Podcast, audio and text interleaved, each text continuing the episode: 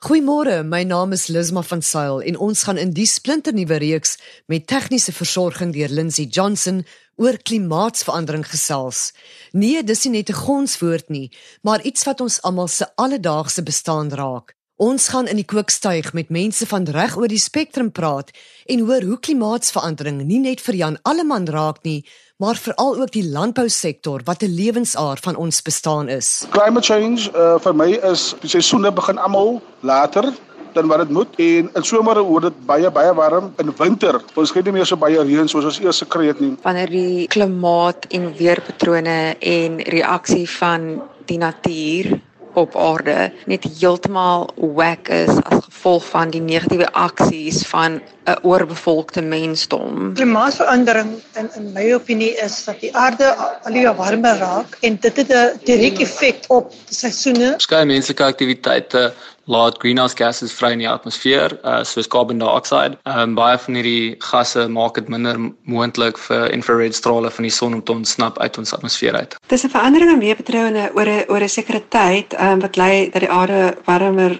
word en dit is ek dink as gevolg van ehm um, oorbevolking, vernietiging van reënwoude en landbou. Hoopelik begin mense nou raak te sien met wat om ons gebeur in terme van die droogte, dat klimaatsveranderinge en global warming 'n realiteit is. Ons eerste kuiergas is klimatoloog en navorser Dr Peter Johnston, verbonde aan die ACDI, African Climate and Development Initiative by die Universiteit van Kaapstad. Kom ons skop af deur te hoor wat die mees algemene vraag is oor klimaatsverandering wat jy kry. Wel, Lisma, dankie. Die uh, algemene vraag is, is is dit waar? Glo jy in klimaatsverandering? Wat gaan gebeur? Gaan ons nog kan eet? Wat gaan gebeur met die water? Sulke vrae. En wat is klimaatsverandering, Pieter? Wel, dis 'n belangrike vraag want klimaatsverandering is 'n verandering in die langtermyn klimaat. Nou die verskil tussen klimaat en die weer is baie belangrik. En iemand het een het uh, gesê dat die weer is wat jy kry, maar die klimaat is wat jy verwag of andersom die klimaat is wat jy verwag, maar die weer is wat jy eintlik kry. Dis die alledaagse gebeurtenisse in die atmosfeer, dit is die weer waar die klimaat is gemiddeld oor 'n lang termyn. Pieter, ons het aan die begin van die program gehoor wat mense dink klimaatsverandering is. Is hulle redelik in die kol? Hulle is in die kol, dis hulle ervaring en dis baie belangrik, maar eintlik moet ons kyk na die data. Ons moet kyk na die laaste 50 jaar, na die laaste 100 jaar om te sien of die klimaat, dit wil sê die reënval, die temperatuur en so aan, of dit nou wel verander het. En ons het nou gesien dat veral die temperatuur oor die hele gebied van die aarde het die temperatuur gestyg en dis aan die styg elke jaar styg dit nog 'n bietjie styg dit nog 'n bietjie party jaar is baie warmer ander jare is nie so warm nie maar die temperatuur styg Die reënval verander en is nie moontlik om te sê op al die plekke op die aarde dat daar 'n tendens is nie. Maar ons weet dat ekstreem gebeurtenisse wel verander. Ons weet dat dit baie warmer word, dat die getal warm dae verander. So ons kan beslis sê die klimaat verander. Tot watter mate is die temperatuur besig om te styg en die reënvalpatrone besig om te verander? Wel ons het gesien van die data, ehm um, en ons praat nou vir die laaste 100 jaar. Ons het ons weet dat die klimaat verander het oor die geskiedenis, maar in die laaste 100 jaar kan ons nou sê dat die temperatuur omtrent 0.2 grade elke dekade vergroot. Maar dit klink so min. Ja, Gaan dit 'n beduidende uitwerking hê op die aarde se klimaat? Om dit nou bietjie realisties te kyk, 'n warm somer wat mense kan onthou, is omtrent 'n graad warmer as 'n gewone somer. En as elke dag 1 graad warmer is, beteken dit jou gemiddelde 1 graad warm is. En oor die geskiedenis, as ons nou kyk, kan ons nou nie sê dat dit 1 graad in 10 jaar warmer geword het. Dit het 'n lang tyd gevat om warmer te word, maar ons is nou verseker dat dit wel warmer is. En as 'n mens nou voorspel na die toekoms, kan 'n mens sien dat teen die tyd dat dit 2100 gaan wees, is dit moontlik om 4 grade warmer te word. En dit is 'n groot probleem vir ons alledaagse lewe. En daar's geen omdraai kans nie. Dit is die tendens wat in die vooruitsig is. Kyk, ons weet dat die temperatuur styg weens die kweekhuisgasse wat ons in die lug insit. Dis die vernaamste rede. Dit is die vernaamste rede. Dit is die uitwerking van daai gasse in die atmosfeer dat die lug warmer word en ons steek nou aan mekaar daai gasse in die lug in en daar's geen teken dat ons dit gaan verander. Indien ons dit minder maak, gaan die temperatuur nog altyd vir omtrent 50 jaar styg en dan gaan dit eers afkom. So ons is verbonde aan tussen 3 tot 5 grade teen die einde van die eeu. Pieter, maar jy skets 'n baie donker prentjie. Wat is die oplossing?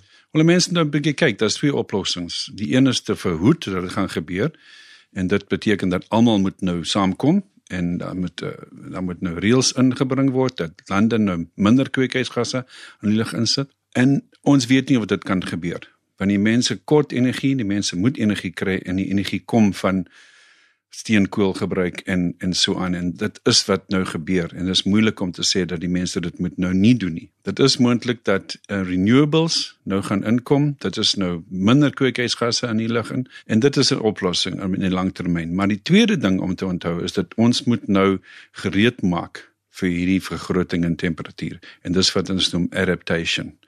En hoe doen ons dit? Wel, dan moet ons kyk na ons landbou, ons moet kyk na ons water, ons moet kyk na ons lewe. Ons moet probeer om nou regte voorberei te wees vir die hoogste temperature of die hoë temperature en ons moet nou sien wat ons kan doen om, om skade te verhoed. Om terug te kom by kweekhuisgasse.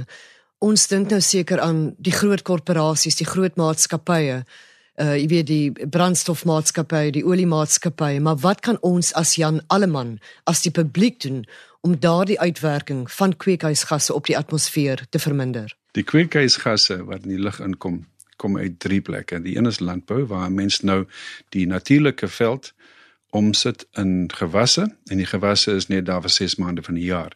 So die gewasse wat voorheen of die veld wat voorheen koolstofdioksied geabsorbeer het, is nou nie meer daar nie en die uitslag is nou dat daai koolstofdioksied in die lug ingaan en nie geabsorbeer word nie.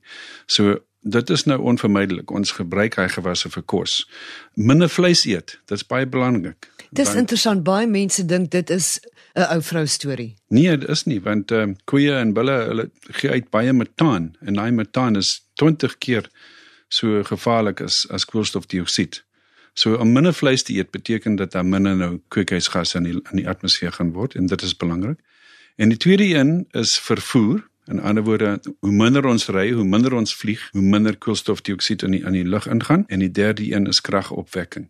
En dis meeste van steenkool. So ons minder krag gebruik of ons druk aan die regering sit om kragopwekking van steenkool na renewables oor te gaan, sal dit baie goed wees. Pieter, die aarde se klimaat was nog altyd aan die verander. Hoekom is dit nou skielik so so belangrik?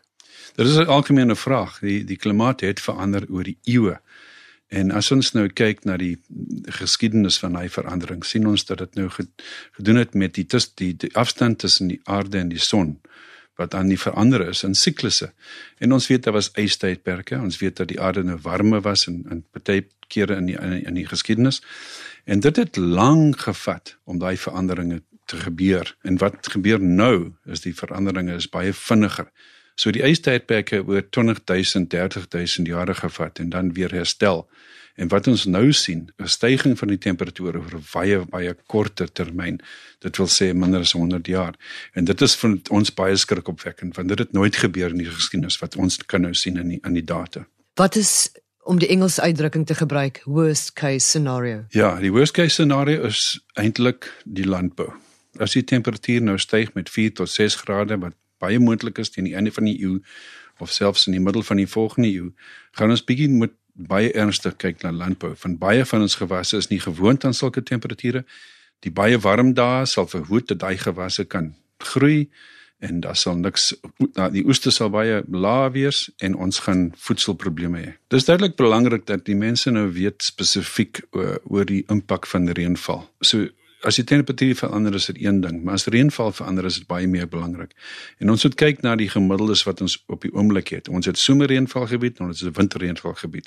En die veranderings in daai gebiede is is verskillend. So ons moet baie versigtig kyk na Suid-Afrika se klimaat, die gewasse wat groei in sulke gedeele en kyk na wat gaan gebeur. Byvoorbeeld in die Weskaap dink ons dat die winterreënval gaan minder word en verskeie van die projeksies sê so. En dis baie belangrik want dit is die groei seisoen. Dit is wanneer die water nou nodig is. In die somerreënvalgebied is dit nou weer anders. Daar is dit ook die groei seisoen, maar die somerreënval kom in 'n tydperk waar dit nie opgegaar moet word. Waar in die wintergebied moet dit opgegaar word vir die somer. Dis 'n program op sigself en een wat ons in diepte sal bespreek. Pieter, duisend dankies vir jou deelname. Om af te sluit, het jy 'n boodskap vir ons aardbewoners. Hoe gaan ons hierdie planeet van ons bewaar? Ons moet net kyk na ons eie gewoontes en ons moet kyk na die aarde en sê net wat is goed vir die aarde, is goed vir ons. En dit gaan oor water, dit gaan oor ons uitlatings, dit gaan oor pollution, dit gaan oor al daai sulke goed. Ons moet die aarde versorg. Soos ons gehoor het, glo wetenskaplikes soos Dr. Johnston dat die aarde se temperatuur oor die volgende 100 jaar net gaan aanhou styg met uiterste weer wat gaan toeneem. Ons gaan nog baie gesels oor wat se uitwerking dit op moeder aarde en sy bewoners gaan hê, maar in volgende week se episode kom water eers aan die beurt, die noodsaaklikheid daarvan sowel as verantwoordelike en spaarsame gebruik. Ons sou die toekoms van die planeet se voortbestaan vierkantig in ons hande en water speel 'n reuse rol. 'n Slim persoon het eendag gesê: "Vir 'n mens wat dors is, is 'n druppel water meer kosbaar as 'n sak goud." Ons groet tot volgende week. Die aarde is kosbaar. Kom ons bewaar dit.